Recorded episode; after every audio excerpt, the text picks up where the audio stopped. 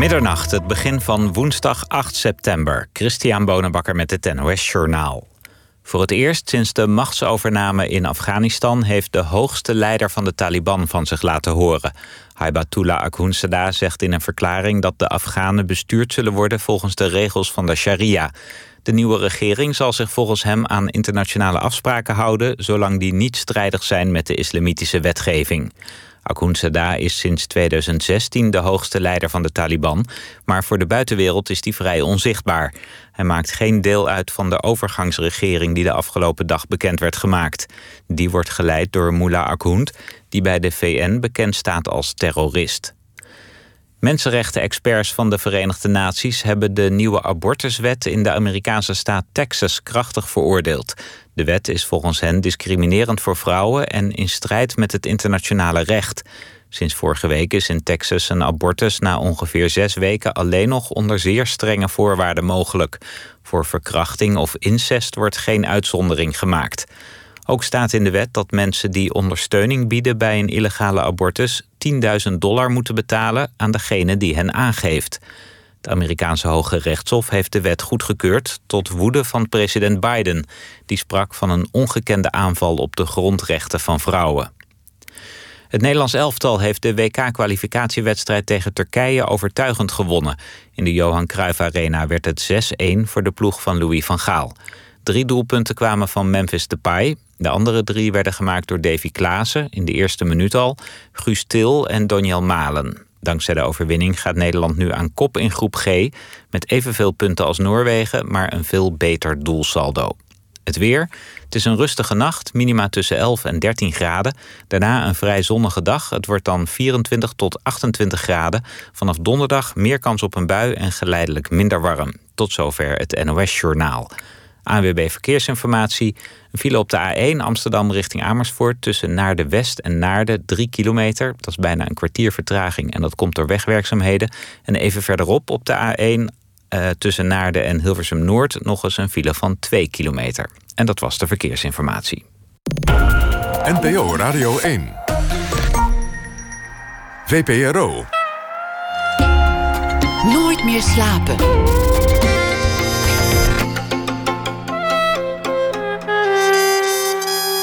Met Pieter van der Wielen. Goedenacht, dit is Nooit meer slapen. Mijn gast komend uur heeft er vandaag al een hele dag op zitten. Of wat zeg ik? Hij heeft een hele week in deze hele dag gepropt. En morgen gaat de wekker alweer heel erg vroeg. Het is hard werken onder de beleefde knoet van niemand minder dan Ivo van Halve. Strijd en metamorfose van een vrouw moet de voorstelling gaan heten. En die zal uh, donderdag uh, bij de try-out te zien. Naar het boek van de Franse bestseller-auteur Edouard Louis. Het is de derde toneelbewerking van zijn boeken in drie jaar tijd in Nederland. En de vorige twee werden ook al een groot succes. En deze, Strijd en Metamorfose van een vrouw, is te zien bij ITA. Een zoon ziet wat zijn moeder is geworden en wat zijn moeder ook had kunnen worden. En zoals al het werk van Edouard Louis gaat het over opgroeien in armoede. Majid Mardot die speelt de zoon. En uh, Majid Mardot speelde eerder in de succesvolle voorstelling Een Klein Leven. Hij won ook al een gouden kalf voor de film Jungle over de jungle van Calais. En Majid die werd geboren in 1989. Dat gebeurde in Aleppo. Hij kwam als achtjarige als vluchteling naar Nederland. En zijn doorbraak als acteur beleefde hij, denk ik, in 2014 in de voorstelling Nobody Home van Daria Bukvic. Medjet, dankjewel dat je bent gekomen. Hallo. Dat was, dat was hard werk. Ik ben, ik ben eventjes een uurtje binnen geweest bij jullie repetitie. En, en het is tamelijk intensief. Mm Zo'n zo'n dag. Ja. En morgen weer een en de dag daarna weer een. Hoe voel je je nu? Ik ben kapot. Ik ben kapot en ik wil slapen. Sterker nog, ik had een paar keer dat ik uh, op de bank of uh, bij een vriendin was vanavond en dacht ik moet wakker blijven, ik moet wakker blijven. En dat ik een beetje liep te gapen en dacht, oh, ik wil niet gaan slapen.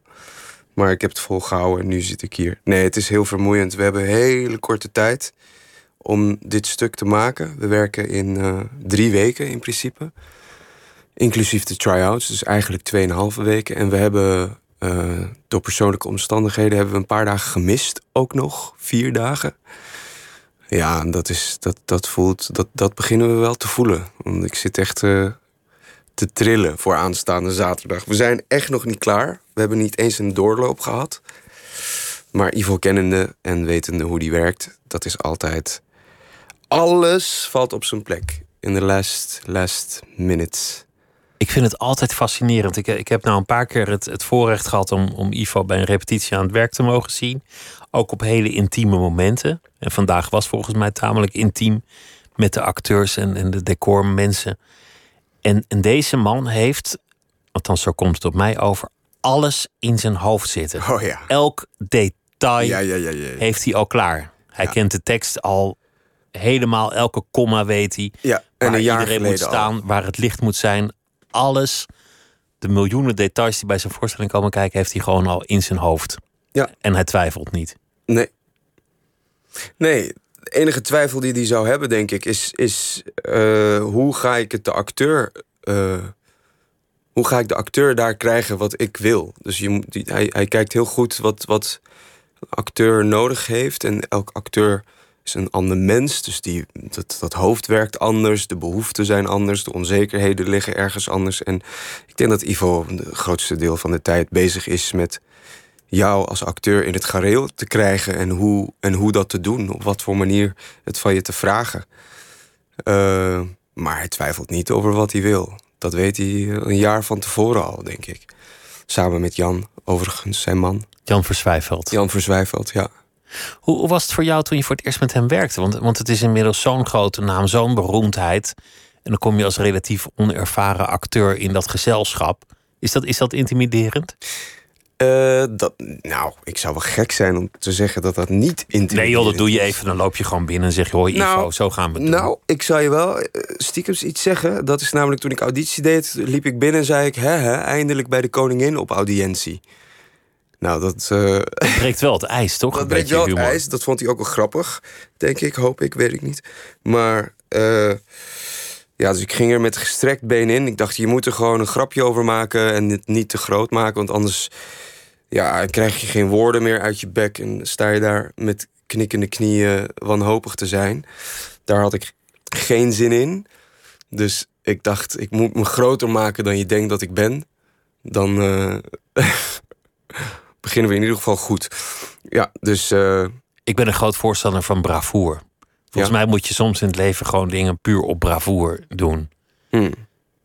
Ja. Helemaal alleen op bravoer red je het misschien niet. Hoewel er zijn mensen president van Amerika geworden. ja, daar komen met niets dan bluff en bravoer. Dus je kan best ver komen. Mm. Maar je hebt het gewoon af en toe nodig. Ja. Voor jezelf ook, denk ik. Voor jezelf. Die gewoon denkt, fuck it, we gaan het doen. Ja. Komt wel goed. Ja, ook al denk je van niet. Hoe is het nu voor jou bij ITA? Hoe voelt het daar? Oh, wauw. Ja, hoe is het bij ITA? Ja, ik, ik vind het eh, heel fijn bij ITA.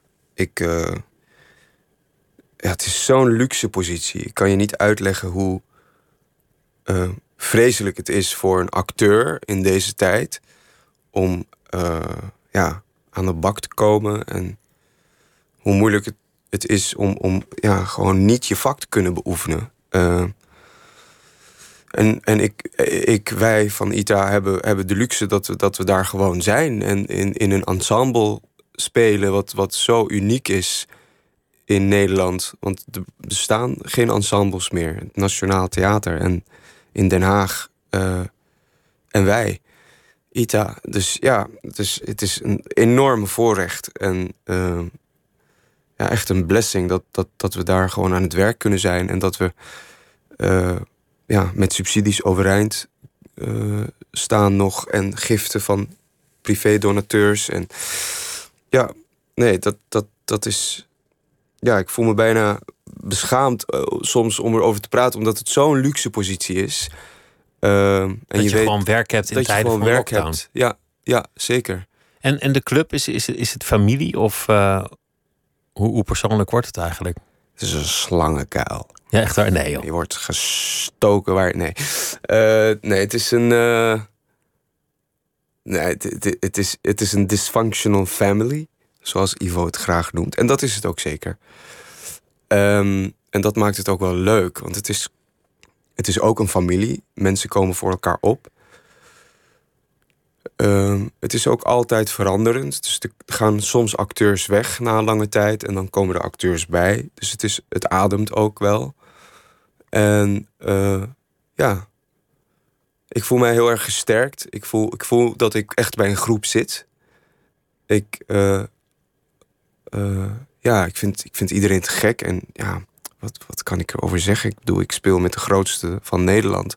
Dus dat is, dat is echt wel een, een eer.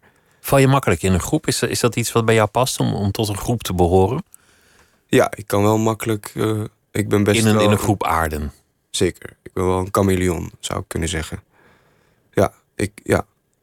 Een chameleon neemt de kleur van de omgeving aan. Dus, Ja. dus je, je neemt schutkleuren aan in, in de groep. Ja. ja. Het, het stuk van, van eh, Edouard Louis, het, het is alweer de derde die, die in korte tijd op de planken komt van hem. Dit boek is volgens mij nog ineens een, een jaar uit. Althans in, in, in Nederland al niet eens langer dan dat zelfs. Gevechten en metamorfose van een vrouw, by the way. Zo heeft Ivo het genoemd, omdat hij vindt dat dat een betere vertaling is. Hij heeft het anders gedaan dan het, eh, Ja. dan het boek zelfs heet. Ja. Want het is geen strijd, het is zijn gevechten, zegt hij. Het, het gaat over, over zijn moeder, met wie hij nooit iets had, aan wie hij een beetje een hekel had, de schrijver dan. Hè? Mm. En, en die hij eigenlijk maar zag als, als een, ja, een plattelandsvrouw. En hij haatte de omgeving, het dorp waarin hij opgroeide in Noord-Frankrijk. En dacht, waarom nemen mensen genoegen met dit leven? En in deze voorstelling leert hij zijn vrouw eigenlijk anders zien. Die vrouw die weet te scheiden van die man, die gaat haar Zijn eigen... moeder, ja. Zijn moeder die, die weet eh, eigen keuzes te maken, een eigen identiteit aan te nemen. En hij krijgt langzaamaan respect voor die vrouw. En daarmee begint hij ook zijn eigen afkomst te bevragen. Van wat, wat is haar eigenlijk overkomen? Hoe is ze daarin in terechtgekomen? Mhm. Wat heb je eigenlijk met zo'n zo'n omgeving? Met uit armoede komen en, en, en de laagste laag van de sociale ladder, zeg maar. Ja, Nou, kijk, ik heb heel veel met underdogs. Allerlei soorten underdogs. En. Ehm, ja, wat ik ermee heb is dat het, het, het raakt me. Omdat ik, als, als er een groep is die zich niet gehoord of niet gesterkt of niet gezien voelt, daar kan ik me heel erg mee verbinden. Dus ja, daar, daar voel ik, daar heb ik wel een zwak voor. En ik, ik begrijp dat ook. Ik begrijp dat je, ja, je soms wil losbreken van een, een soort milieu of een, een, een manier van leven. Waarvan je weet, ik zit hierin vast. Ik zit gevangen in een leven wat, wat eigenlijk niet van mij zou moeten zijn. En ik denk dat niemand het verdient om gevangen te zijn in een leven in armoede. Ehm, ja, ik vind dat iets, iets heel treurigs. Zeker in het Rijke Westen en Europa, waar we, waar we toch eh, zoveel middelen hebben om een goed leven te kunnen leiden, maar blijkbaar niet voor iedereen. En we zijn socialistischer dan bijvoorbeeld een Amerika, maar blijkbaar niet genoeg. eh, nemen we niet iedereen mee daarin, in het zorgen voor elkaar. Ja, ik bedoel, zoals er in Frankrijk een, een, een rijk en arm kloof is en een armoede is, eh, zo is dat in Nederland ook zo. Bedoel, Als je kijkt naar een programma als Klasse, ik weet niet of je dat daarvan gehoord hebt, maar dat vond ik echt zo'n. ken ik niet. Wel, welke is dat? Het is echt een, een, een, programma op eh, eh, eh, publieke omroep. Ik weet even niet meer welke, maar Volgens mij heeft de Huban dat gemaakt. Ja, dat zou heel goed kunnen, ja. ja. Ehm, nou, dat is een aantal afleveringen en er worden kids gevolgd die naar de middelbare school gaan. En ze worden een tijdje gevolgd ehm, uit alle lagen van de, van de samenleving. Dus ja, en, en dat. Daarin zie je ook armoede en ook. ehm, ja, armoede in. in ehm, hoe zeg je dat? Ehm, het is gewoon in Nederland aan de hand. En ik denk dat wij graag willen geloven dat we, dat we het gesetteld hebben hier. Dat we iedereen voor iedereen zorgen. En dat we veel belasting betalen. En dat iedereen mee is en niemand achterblijft. Maar dat, dat, dat is gewoon niet zo. En dat zie je in klassen heel goed. ook. En wat het ook, wat voor soort van naweeën-effect dat heeft. eh, armoede of, of ehm, eh, gebrek aan educatie. eh, wat begint bij een ouder en doorgaat op kind. Omdat ja, je, je, als je zelf niet gestudeerd hebt, dan is het veel moeilijker om je kind te helpen met zijn of haar huiswerk. En dat eh, gaat maar door. En dat, dat, eh, dat is een soort domino-effect in, in iemands leven. Een achterstand die je misschien Een achterstand amper die je- nog kan inlopen. Nou, die kan je altijd wel inlopen, maar de weg is zo bemoeilijkt dat het, eh, ja, dat is, ik vind het heel schrijnend. Want waarom? Het is heel oneerlijk eigenlijk. Ja, daarom vind ik ook altijd mensen die heel erg gevochten hebben voor. Ik heb bijvoorbeeld altijd hele lage schooladviezen gehad. Ze hebben mij zelfs op het speciaal onderwijs geplaatst. ehm, waar ik absoluut niet thuis hoorde. Maar ze wisten gewoon niet wat ze met mijn achterstand aan moesten. En eh, door trauma's en weet ik veel wat, dat ik niet goed kon leren. En dat, daar wisten ze geen raad mee. Dus dan maar naar een, een ja, speciaal onderwijs. En daar heb ik nog steeds last van. Weet je wel, ik vind mezelf altijd te dom. Eh, ik heb het gevoel dat ik de taal niet machtig ben. Dat ik, eh, en ik ben nota bene acteur, dus dat is heel onhandig. Eh, dan zie ik een tekst en dan ben ik eigenlijk bang voor de woorden. terwijl ik ze moet omarmen en eigen moet maken. Het is altijd een gevecht. En dat, dat zijn de naweeën van ja, gebrek aan educatie en.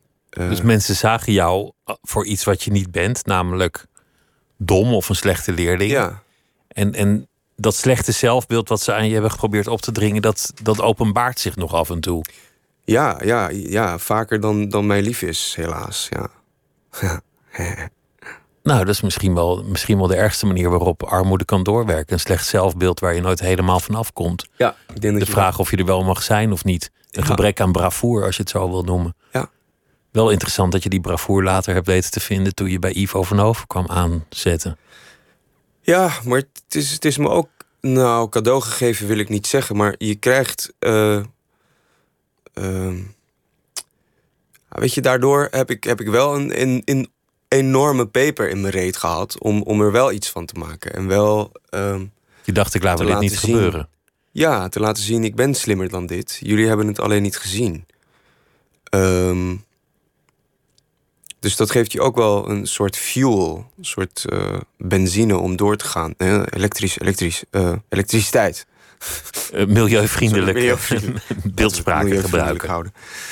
Heb je, heb je jezelf een, een underdog gevoeld? Want, want je kwam als achtjarige naar Nederland. Negen eigenlijk. Negen was je. Ja, nou ja, goed. Het, is, het was een maand voordat ik negen werd. Maar die eerste maand was zo'n vaag iets. En opeens was het mijn verjaardag en was ik negen en in Nederland. Wa- Was, gingen jullie meteen naar Nederland of, of was er nog een, een Nee. tussenstop? We gingen meteen naar Nederland.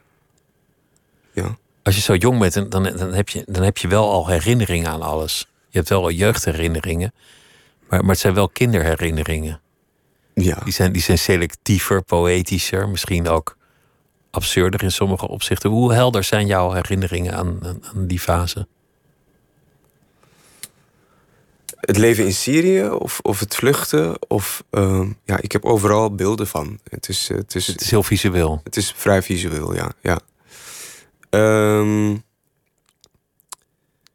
ja het, het, ik wil er niet aan denken, maar het ontglipt me. Dus ik krijg vaak eh, ja, momenten dat ik, dat ik eh, toch een soort eh, gemis voel. Of ik denk als je ergens nooit eh, afscheid van hebt genomen op een soort. eh, ja, hoe, hoe moet ik dat nog? Ja, gekanaliseerde manier wil ik zeggen. Maar een soort echt, echt van alles. Dus dat je bijna je kast nog even aanraakt en zegt: Tot ziens, kast. Dank je wel dat je op mijn spullen paste.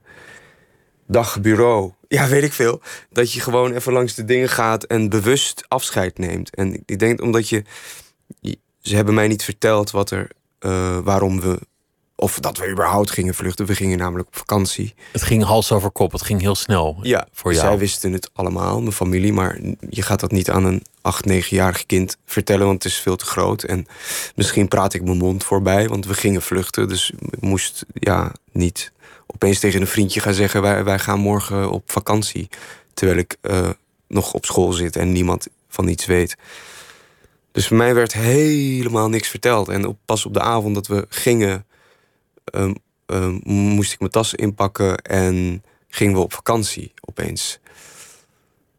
Dus ik heb dat, dat realisatiemoment van wij gaan hier weg voor altijd, heb ik nooit gehad. Uh, dus ik denk dat ik soms een soort ergens op een vage manier daar nog ben of zo. Of daar hoop te zijn dat ik in ieder geval een paar dingen kan doen, afscheid kan nemen en dan, dan kunnen we gaan. Ze zeggen wel eens: het lichaam reist sneller dan de geest. Nou, dat is in, in, in dit geval denk ik eh, zeker waar. Spijker op zijn kop, ja. ja. Dat, jullie zijn dan gevlucht in de jaren negentig. Dat, dat jaar zou vele jaren later zou, zou de Syrië pas echt diep in de problemen komen en echt een, echt een uh, in, in puin geslagen worden. Dat hele land is, is ingestort. Gaat dat je aan het hart? Heb je dat, heb je dat er nog heel erg gevolgd? Oh man, wat een vraag. Um, ja, tuurlijk. Um, ja, um, het, je, je, kan zoiets ook. Ik kan zoiets niet. Ik weet niet hoe ik dat moet volgen. Ik, ik, ik volg het omdat ik de verhalen hoor. Maar ik volg het niet. Het, het achtervolgt mij, laat ik het zo zeggen. Het is, uh, het is een rare gewaarwording als je de plek waar je geen afscheid hebt genomen achterlaat zonder te weten dus dat je het achterlaat. En dat je het langzaam ziet afbrokkelen. Of nou ja, in een snelle tijd eigenlijk, korte tijd. En dat het dan tien jaar duurt. En dat dat. dat uh, ja, dat is, dat is bizar. Ik, ik zie uh, het, het land waar ik vandaan kom langzaam afbrokkelen, ja, dat, dat, hoe, hoe volg je dat? Ik vind dat iets heel moeilijks. Ik vind het ook niet behapbaar. Het werd voor mij ook pas tastbaar dat er oorlog was, überhaupt in Syrië. Toen ik, toen ik las dat, uh, dat uh, het, het, oude citadel in, in Aleppo was beschadigd. Of althans een kant ervan. En dat is waar Aleppo is gesticht. Aleppo is een hele oude stad, samen met Damascus. Uh, de twee langst constant bewoonde steden ter wereld. Er zijn oudere steden, maar constant bewoond. Dus daar heb je ja, prachtige oude werelderfgoed. Uh, Pausels. En daar is het Citadel één van. En ik kan me herinneren dat we daar, dat ik als kind met schoolreisjes of dan waren er concerten, dan gingen we daar naartoe. Dat is een hele wereld within a world. Dus je, je komt het burgt op, het citadel. En dat is, dat is gewoon zo'n soort Game of Thrones oude stad. Op een heuvel in het midden van de stad. Dus dat is een geweldig uitzicht heb je daar ook. Als daar een... En ik heb daar hele uh, heldere herinneringen um, van. En toen dat geraakt werd, toen raakte het mij. Want omdat het iets, toen werd het tastbaar. En dat is heel raar. Toen kwamen de bommen de hele tijd... jouw herinnering in eigenlijk. Ja, want het is, heel, het is een heel vaag idee dat, dat er mensen sterven door bommen. En dat is bijna filmisch of zo. Dat, kan, dat hoor je steeds, maar dat, dat, ja, dat, dat raak je niet op een manier dat het echt zo. dat het ver van je bedshow is. En het is nog niet iemand die je kent. Uh, en als het dan een plek is of, of iets wat heel tastbaar is. En ik, ik hou van oudheden en.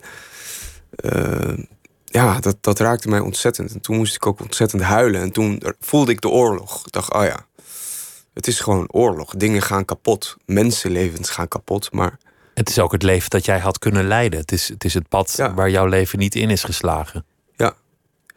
Maar ik moet iets gek zeggen. Wij, ik, ik geloof dat wij uiteindelijk. Het is heel raar wat ik nu zeg hoor. Maar wij, de, de, de familieleden in Nederland, lijken soms meer last te hebben van de oorlog dan de mensen zelf daar.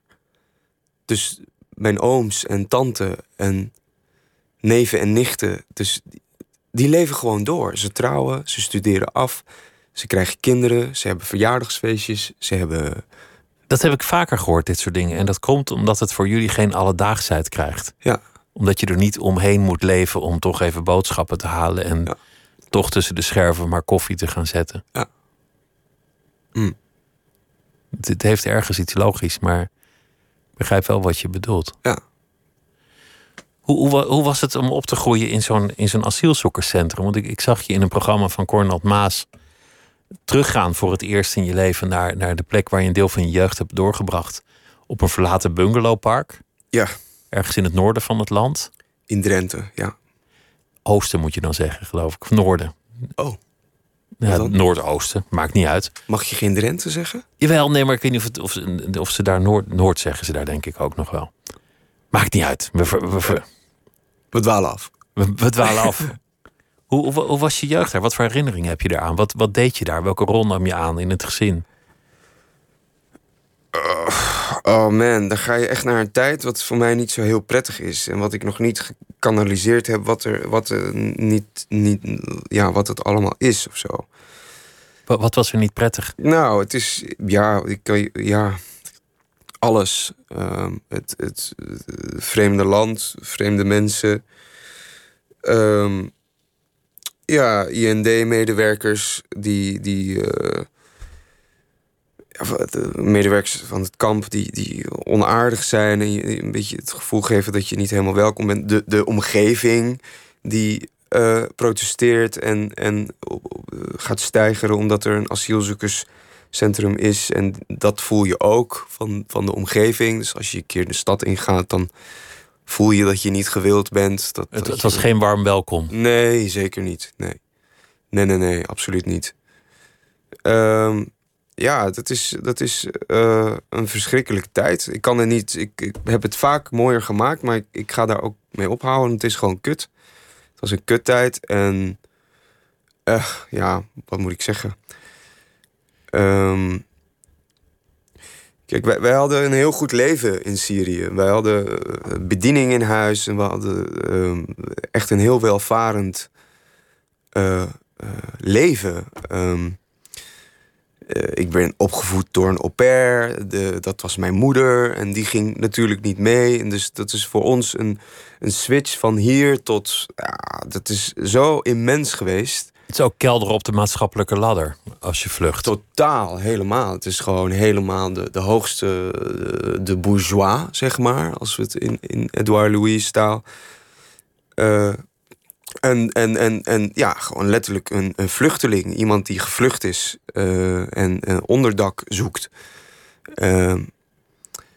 Ja, dus al het geld verloren en de aanzien. En ja, en dat, dat is een ramp. Dat is gewoon een ramp op zich. En als je het dan ook nog eens niet helemaal welkom geheten. Ik bedoel, niet dat er mensen met tamboerijnen langs de weg hadden hoeven te staan, maar iets medemenselijker was wel fijn geweest. Vooral van de omgeving daar.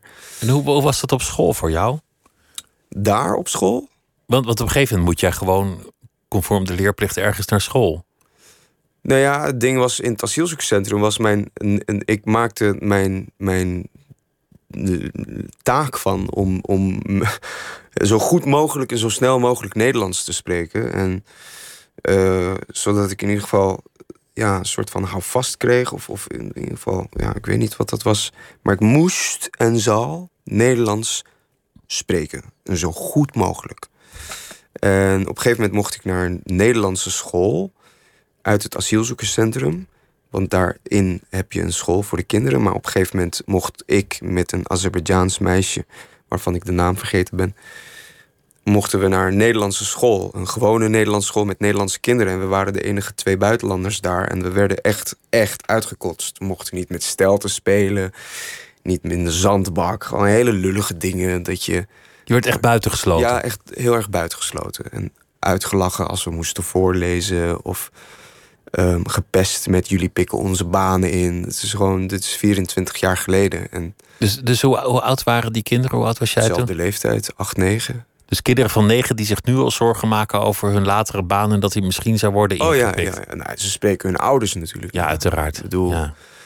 dat is, dat is eh, gewoon als die tendens leeft dat je uh, massaal angstig bent en wordt gemaakt voor vluchteling of de vreemdeling of iemand die er anders uitziet als jij, ja, dan slaat dat door op de kinderen. Uh, en die, die, die ga je dan napraten op het schoolplein. Ehm, ja, dus die, die, die afwijzing, dat is wel intens geweest. Dat is, je snapt dat niet. Ik denk, wat de fuck doe ik hier? Ik was gewoon rustig aan het spelen met mijn bestuurbare auto. eh, en mijn vrienden. En eh, opeens is alles anders. En ze hielden ook nog vol, mijn familie, dat we op vakantie waren. Die bleven dat zelfs in dat bungalowpark volhouden Dat van... Ja, Wat, wat een fijne vakantie heb ik voor jullie geboekt. wat, wat, wat hebben we het goed, hè, jongens? Eh, nee, maar... eh, ja, god. Ja, dat is zo'n raar- rare tijd. Hoe heb je dat volgehouden? Wat, wat- als je terugkijkt, wat, wat waren eigenlijk jouw strategieën om te overleven?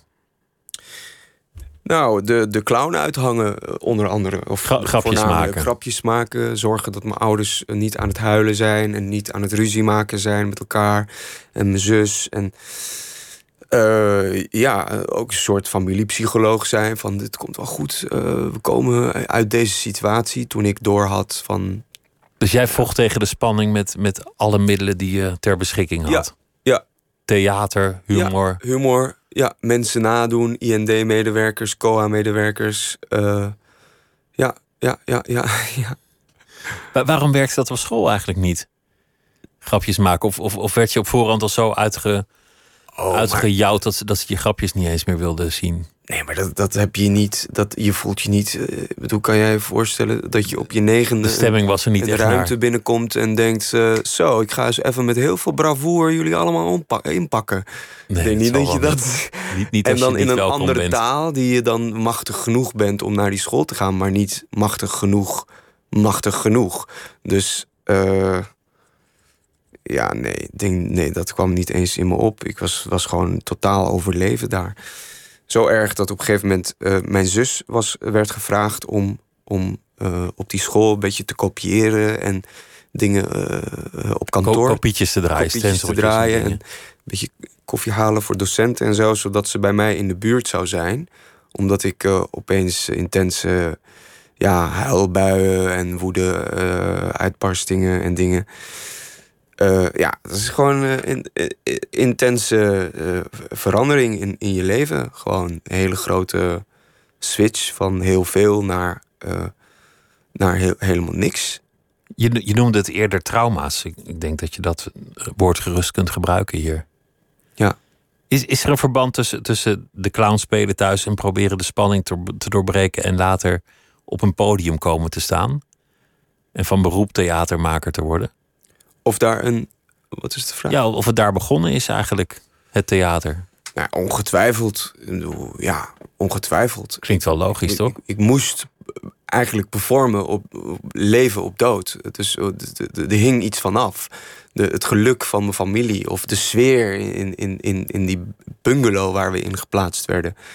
Ehm, wat drie vierkante meter bij elkaar was. Eh, ja, zo'n spanning, dat, dat, dat zuig je op eh, als mens en als kind ook zeker. En dat, dat moest ik tegengaan. Dus het was eh, echt eh, spelen op leven en dood. Ehm, en, en dat is wat spelen is.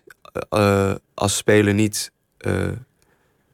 op leven en dood is iedere avond, dan, dan, dan is het niks. En dan, ja, dan gaat het nergens over. En dat maakt ook deel uit van de, niet benzine, maar de elektriciteit die je elke avond voelt als je de planken opgaat. Ja. De, de noodzaak om het, om het goed te doen. Mhm. Als het ware om iets goed te maken van de val die je ouders op de ladder hebben gemaakt toen ze vluchtten. Ja, dat zit er allemaal in. Maar ik sta Al niet achter lading. de coulissen te denken... ik ga nu eens even alle fouten die mijn ouders hebben gemaakt eh, rechtzetten. Of, of eh, fouten, of het feit dat we... ik ga ze eh, trots maken dat we nu in Nederland zijn en het gemaakt hebben. Of whatever that may mean. Maar, ehm, nee. Maar, ja... Weet je nog de eerste keer dat je op een podium stond?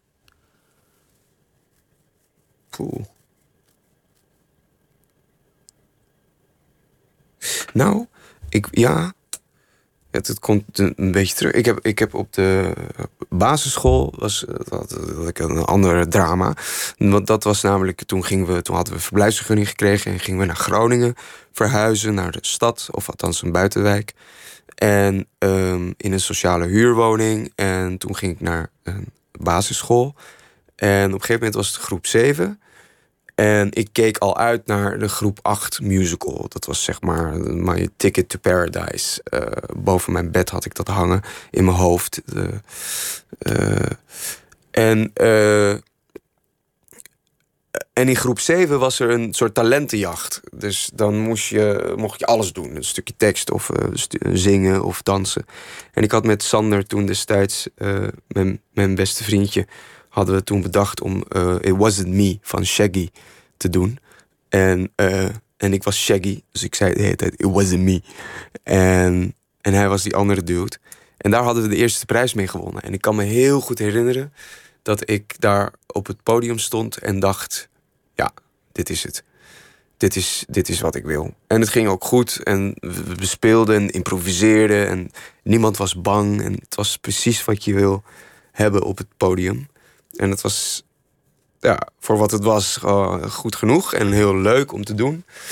Maar ik kan een ander moment voor, uh, voor de geest halen. En dat is namelijk in die asielzoekerscentrum waar we het net over hadden. Toen had ik op een gegeven moment een soort.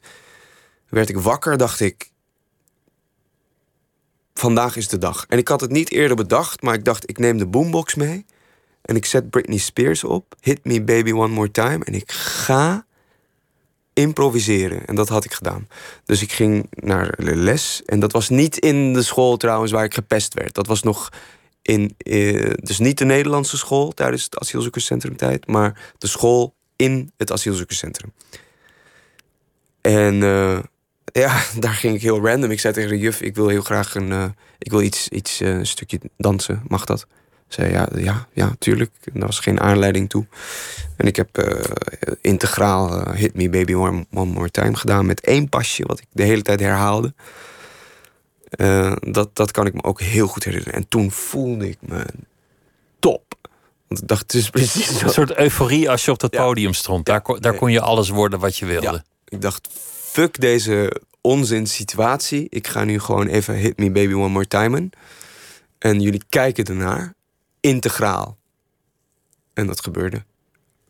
Je, je noemde je zus die stencils kwam draaien op de, op de school. Je, je bent nog steeds heel hecht hè, met, met, je, met je hele familie en met je zus. En je, je, je vader is inmiddels niet meer in leven. Het is op een gegeven moment ook, ook natuurlijk het moment dat jij je weg vindt in, in dat nieuwe land en in je, in je nieuwe leven. Hoe, hoe moeilijk was het bijvoorbeeld toen je voor het eerst verliefd werd op een jongen? Thuis. Kon, je moeder dat meteen begrijpen? Nou, ik ben, ik ben nooit uh, in die tijd voor het eerst verliefd geworden op een jongen. Dus hoe, hoe ging dat? Ik niet, want ik ben nooit verliefd geworden toen destijds. Op niemand niet? Uh, ja, ik had op een gegeven moment, ik was verliefd op, op Anna. En toen vroeg ik haar verkering, maar we waren 14. Of 16 eigenlijk, ik weet het niet meer. Nee, 14. En daar had ik, uh, wat, wat was het, drie weken relatie mee of zo. Ja, wat, wat, wat, wat kan je dat uh, noemen op je veertiende? Maar um, nee, ik heb nooit voor de situatie gestaan dat ik, dat ik met een vriendje thuis uh, moest komen. Maar ik heb wel verteld dat ik homoseksueel ben. En ja, dat, dat viel niet in goede aarde, maar ja, dat is ook wel een lange strijd geweest van jaren. In ieder geval met mijn moeder. Mijn broer was er helemaal oké mee. Mijn, uh, mijn middelste zus ook. Mijn oudste zus heeft, had er ook moeite mee. Um, ja. ja, ik kom uit de christelijke katholieke familie en uit uh, Syrië. Dus dat, dat is best lastig. Ja, dat is ver van hun bedshow. En um, ja, dat is een, een, lange zoektocht geweest voor mijn moeder en mij om, om daarmee om te gaan en daar geen ruzies over te hebben en elkaar te proberen te begrijpen. Uh, dat is heel moeilijk als, als tegenpol de standpunt is: jouw seksualiteit is een ziekte of is een, ja, een het is wat je denkt dat zo is, of het is, komt door trauma, of nou ja, goed, het is, uh, dat is heel moeilijk om dat te bevechten. Een lange afstand om te overbruggen. Zeker, ja. Het klinkt, het klinkt wel liefdevol zoals je erover praat. Nou, omdat ik, uh, uh, ik, ik heb jaren, tien, elf jaar, heel veel gedoe met mijn moeder hierover gehad. En op een gegeven moment kom je op een punt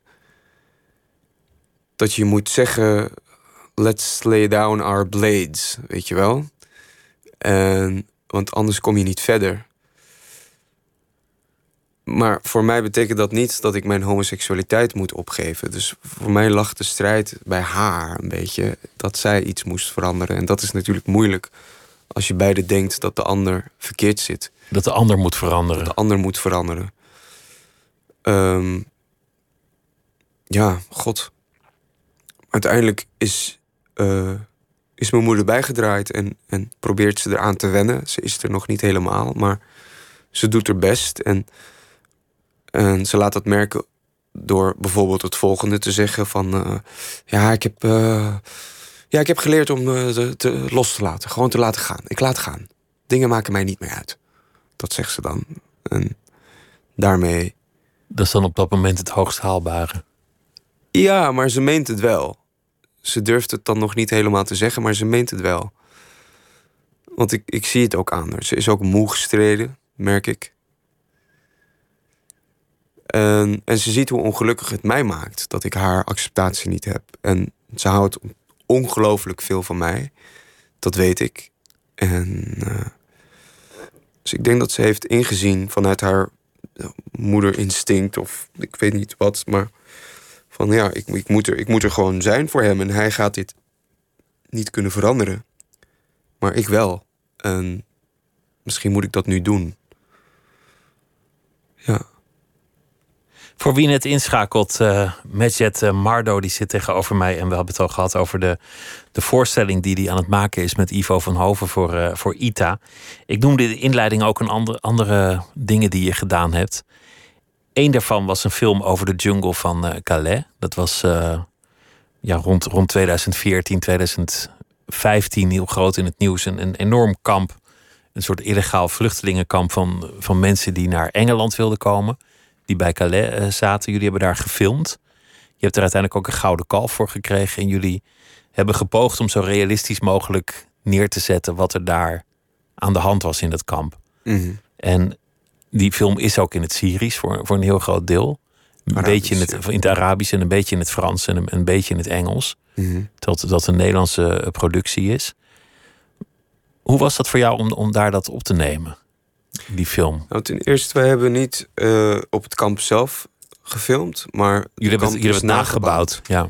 Ja, op een. Uh... Maar je bent er wel geweest ter research? Ik ben daar niet geweest. De regisseuse is daar geweest. Oh, ja, Een paar keer. En heeft uh, Benjamin ontmoet, de jongen die ik speel. En zijn verhaal raakte hem ontzettend en inspireerde haar om deze film te schrijven. En. Uh, ja, en ik heb wel vanaf het begin meegeholpen aan het meedenken aan de scènes en wat er gezegd wordt en de teksten en alles. Dus ik ben er echt nauw betrokken bij geweest, maar ik ben niet in de kamp geweest. Maar de kamp was levens echt nagebouwd door Robert van der Hoop. Dat was echt ongelooflijk mooi gedaan. En het voelde wel alsof je daar echt was. En ik kon me totaal voorstellen van... Jezus man, dit is echt even een stapje verder. Hè? Als je als vluchteling hier zit, op zo'n plek, dat is echt onmenselijk. Dan heb zeer, je... zeer primitieve omstandigheden waren. Zeer primitief. Uh, ach man, ja, alles gewoon. Het is eh, gewoon een soort favela, maar dan nog erger. Favela heeft nog bakstenen, maar dat is ook verschrikkelijk. Maar uh, ja, echt een krottenwijk gewoon van, van, van als een kaartenhuis valt dat in elkaar als er een, een storm is of een, met doeken en zeilen. En, en af en toe kwam de politie met bulldozers om de boel op te ruimen. Ja, ook nog. Ja, ja zeker. Ja. Want, want er was ook heel veel overlast en dat, dat was ook echt zo. Er werd, er werd heel veel gestolen, want, want uh, ja. mensen, mensen wilden per se geen asiel aanvragen in Frankrijk, maar ja. hadden de hoop naar Engeland te komen. Het is nooit helemaal duidelijk geworden waarom ze zo graag liever naar Engeland wilden, maar dat, dat was het gegeven in ieder geval wat er aan de hand was. Ja. En er waren ook heel veel inbraken en, en het was ontzettend rauw en er gebeurden ook allerlei dingen op dat kamp. Het, het, was, was in die zin een ontzettend gruwelijk iets. Terwijl, de film, dat moet je natuurlijk doen als je een film maakt, ook wel een soort opwekkendheid eraan probeert te verlenen. Toch nog een soort schoonheid probeert te vinden. Nou, de schoonheid zit hem in, in, in dat die mensen elkaar vinden en dat ze elkaar helpen in zo'n kamp. En dat ze vriendschappen sluiten uh, voor het leven. En dat je elkaars pijn kan delen omdat je uit dezelfde situatie komt. En dat, daar zit de schoonheid in. De, de medemenselijkheid. En uh, ja, dat, dat, dat, dat voel je wel. Want je, je, hebt, je hebt elkaar nodig. Zeker meer, in zo'n situatie. Niet. Meer heb je helemaal niet. Want is, je hebt niet een regering die je sterkt op dat moment. Want je wil je niet aansluiten bij die regering. Want daar wil je geen asiel aanvragen. En... Nee, want die kwamen wel af en toe met, met, met hulprantsoenen. Maar dan zeiden ze eerst even je naam en gaan we even iets invullen. En dat voelde als een nederlaag voor die bewoners. Omdat ze, wat ze niet wilden. Dat begrijp ik niet. Nou ja, ze wilden op geen enkele manier geregistreerd staan in dat land. Nee, nee, ja, precies. Want ja, ja, ja. het, is het eerste land waar je Want anders kan je geen asiel bent. aanvragen. Ja, dat is, Daar moet je aanvragen. Zeker. Ja, ja, ja, ja. Ja, dat is een heel lastige situatie. Waardoor je dus in de illegaliteit gedwongen, gedwongen in de illegaliteit ingaat. Um, um, ja, en uh, rare dingen gaat doen. Die mensen hebben zo'n uitzichtloze... Die zitten ma daar maanden, hè. Maanden.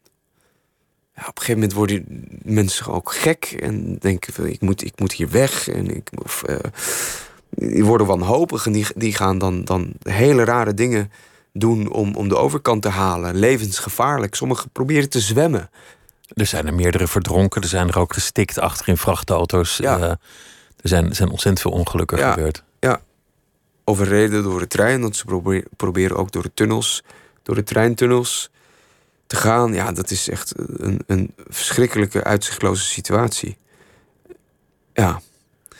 Ja, het is, ik, ik kan alleen. Ik ben heel blij dat ik die film heb gedaan, omdat ik dat zo'n waardevol verhaal vind. En uh, bedoel, als er, er werd zoveel shit gesproken over vluchtelingen en gelukszoekers. En ze komen hier iets afpakken. En ze komen hier je banen afpakken, zoals die kids vroeger bij mij.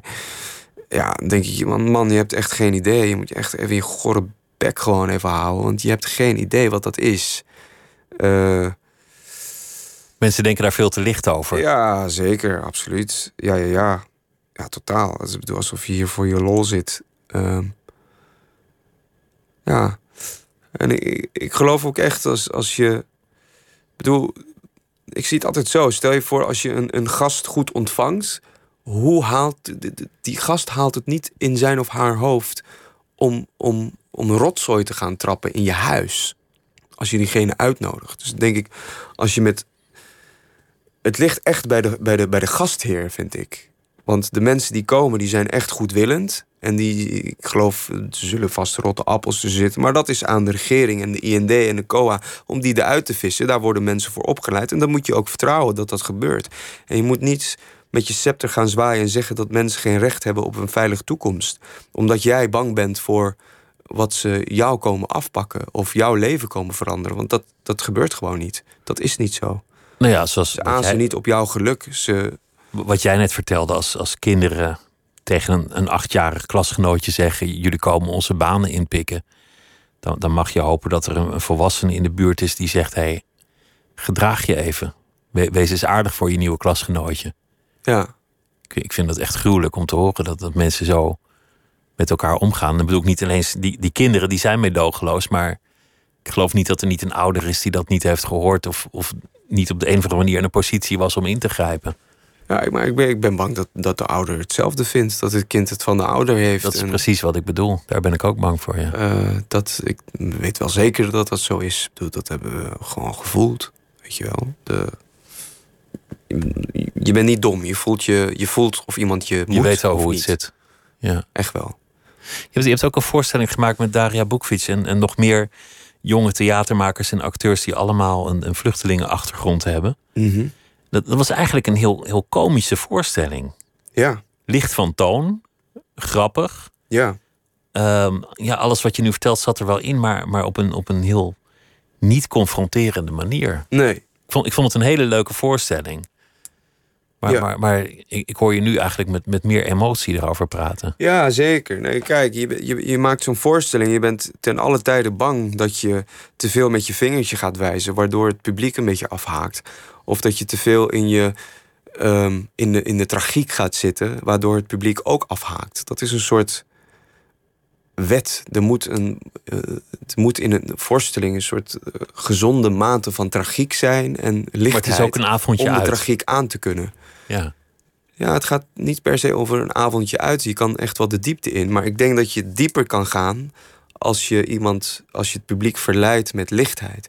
Maar ik denk dat we in die tijd te bang waren voor uh, uh, dat het publiek zich te aangesproken voelt en te veel met het vingertje gewezen naar hun. Dat we het te, dat we daar een te licht sausje overheen hebben gegooid. Uh, uit angst um, voor het afhaken. Maar als ik in deze tijd weer Nobody Home zou maken, dan zou ik veel harder met echt met gestrekte benen in. En iets meer een spiegel voorhouden van. Uh... Hoe ga je eigenlijk om met, met uh, vreemdelingen? Ja, of hoe ga je om? Ik, ik zou niet willen beleren hoe je met vreemdelingen om moet gaan. Dat, je kan dat voor jezelf als mens met een hart en ziel, kan je dat zelf ook bedenken. Maar ik kan je enkel mijn ervaring tonen. En daar dus niet een soort uh, ja, sausje overheen gooien, waardoor jij het makkelijker door je strot krijgt. Maar liever gewoon in al die ugliness zeggen hoe het was en wat, wat er gebeurd is. En, en wat, een, wat een kille ontvangst dat was. Ja, dat is, ik zou dat zeker nu zo aanpakken. Ja, absoluut. In het klinkt alsof, alsof dat ook deel van, van het trauma is wat je noemt. De aankomst meer dan het vertrek nog bijna. Zou je dat willen toelichten? Nou, je, had het over van goh, misschien, misschien was er wel een soort trauma aan de hand in mijn leven, waardoor ik moeilijk functioneerde als leerling. dit trauma is voor deel het plotselinge vertrek en het niet afscheid kunnen nemen van, van, je, van je spullen, van je klasgenootjes, van, van alles wat je moest achterlaten. Ja. Maar deel van trauma zit misschien ook wel in hoe je behandeld werd bij aankomst. In het niet welkom zijn. Ik ben bang dat het een soort van uh, grote sanert is. Een soep van al die dingen bij elkaar. En dat maakt het soms wel een beetje ingewikkeld. Maar ja, uh, zo heeft iedereen zijn uh, of haar kruis. Zijn sores, ja. Moeten we die dragen, zo goed en zo kwaad mogelijk. Of liever goed dan. ja, nee, dat is zo. Ja, dat, dat is dat, dat, dat heeft mij gevormd en dat heeft mij gestuurd en dat heeft mij. Uh, dat houdt mij nog bezig, ja.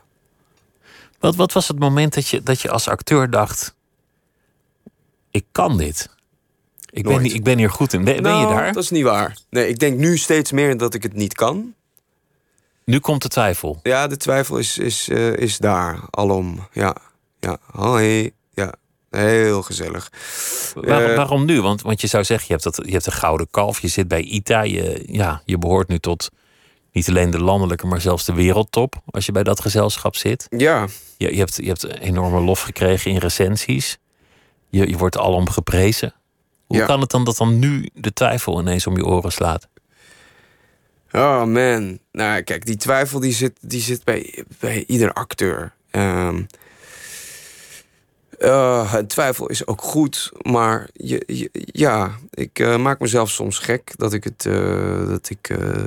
dat, dan komen we weer bij die. Bij, bij, bij, de, bij het bijvoorbeeld speciaal onderwijs, als, dat, dat ik daarop heb gezeten, dat is, dat, dat, dat is een, wat ik nu voel, is een residu daarvan. Want het zijn de gevolgen gewoon. Ik voel mij niet, niet slim genoeg om die teksten aan te gaan. Nou ja, het is, ik wil niet het slachtoffer zijn hoor, daar heb ik geen zin in. Daar word je ook ontzettend op afgerekend in deze wereld. Terwijl we juist meer slachtoffers zouden moeten ruimte moeten geven, maar dat is een andere discussie misschien.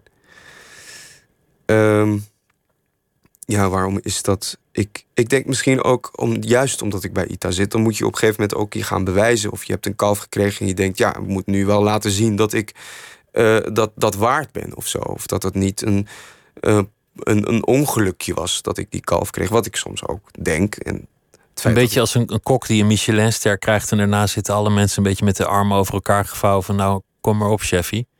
Laat maar zien waarom jij een ster hebt. Ja, je moet je ster bewijzen, ja. En dat gevoel heb, heb, heb je, ja. Doe, het, is, het is echt niet per se dat je heel gelukkig wordt van succes of zo, denk ik. Juist niet misschien, ik weet het niet. Het, is, het, het idee legt is... ook druk. Ja, het legt druk en ja, of je gelooft het niet. Het is, ik, ik, heb, ik heb best wel een strijd met, met dat de dingen, als de dingen goed gaan, dan, dan wantrouw ik dat heel erg of zo. Ja. Alsof je elk moment weer kan worden afgenomen. Ja, misschien wel. Misschien is het ook iets uh, dat ik er niet volledig in geloof, omdat ik denk dat het straks weer weg is, of dat ik het daardoor niet helemaal omarm. Maar um, ja.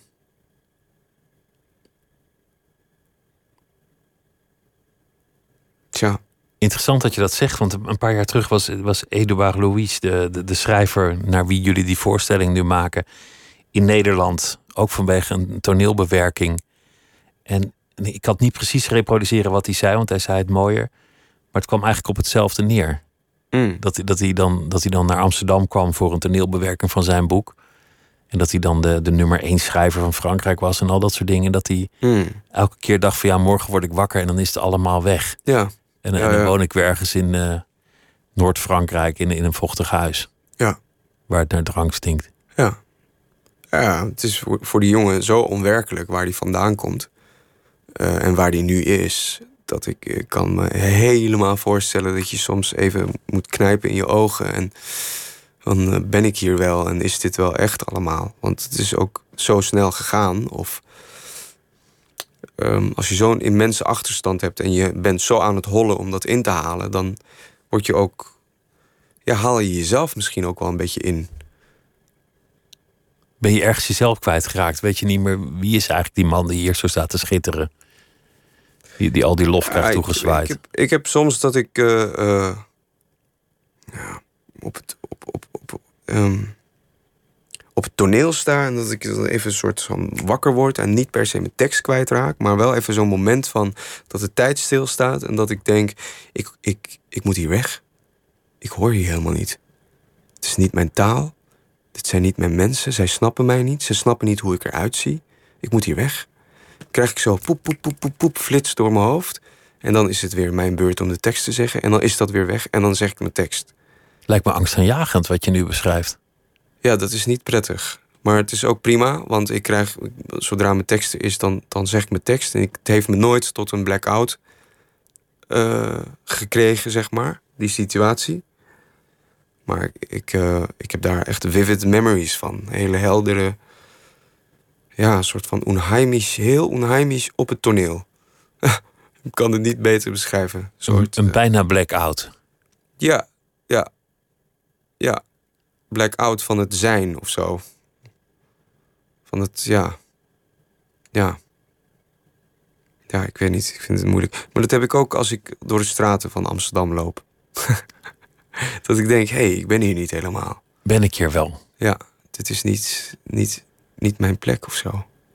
Ja, nou ja, goed. Nu komt een muziekje. de tune. Nou, en dan moet ik ook nog even zeggen dat jullie ook nog... Uh wat is het? De, de, de Toverberg eh, gaan jullie ook nog doen, toch? Van, uh, ja, die gaan van, van Thomas Mann. En dat en komt. De, uh, dat de komt, uren voornamelijk. Daar heb ik ontzettend veel zin in. Die komt er ook nog aan. Ja, dat is een voorstelling van Elina Arbo. Dat is een soort van mijn nieuwe theaterheld. En is, zij is een geweldige maker. Zij maakte ook die Eduard Louis. ja, Weg ja. met Eddie. Ja, Eddie Belgul. Eddie Belgul. Ja, ja. Ja, zij is echt geniaal. En zij heeft met ons de uren gemaakt van Michael Cunningham. En dat is van de film ook, weet je wel, die Hours. Met uh, Nicole Geweldige Kidman film. en een ontzettende opplakneus die haar bespeelde. Vind ik. Mensen gaan nu uh, stijgeren, maar... Nou ja, goed. Uh, Nicole Kidman terzijde. Maar dat, ja, Elina Arbo is geweldig. Zij heeft die voorstelling met ons gemaakt. En dat is echt zo fijn met haar werken. En ik wil dat zij uh, heel veel voorstellingen bij ons komt regisseren. Maar nu doen we gevechten en metamorfose van een vrouw. En aanstaande zaterdag is de première. En daar zijn nog kaarten voor. En de week daarop, volgende week dus, spelen we ook de hele week. Dus ik hoop dat heel veel mensen komen kijken. Want het is echt wel een prachtige voorstelling aan het worden. Dankjewel dat je langs wilde komen. Ik wens je heel veel uh, succes. En ik wens je ook heel, uh, heel veel plezier met Jet Mardo. Dank je dat je te gast wilde zijn. Dank je. Dank je wel. En dit was eh, Nooit meer slapen voor deze nacht. En morgen zijn we er weer. En dan eh, komt Anna van Es op bezoek. Goeienacht.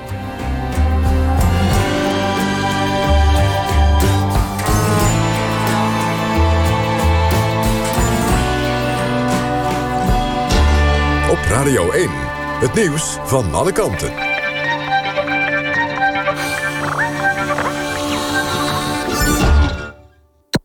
NPO Radio 1.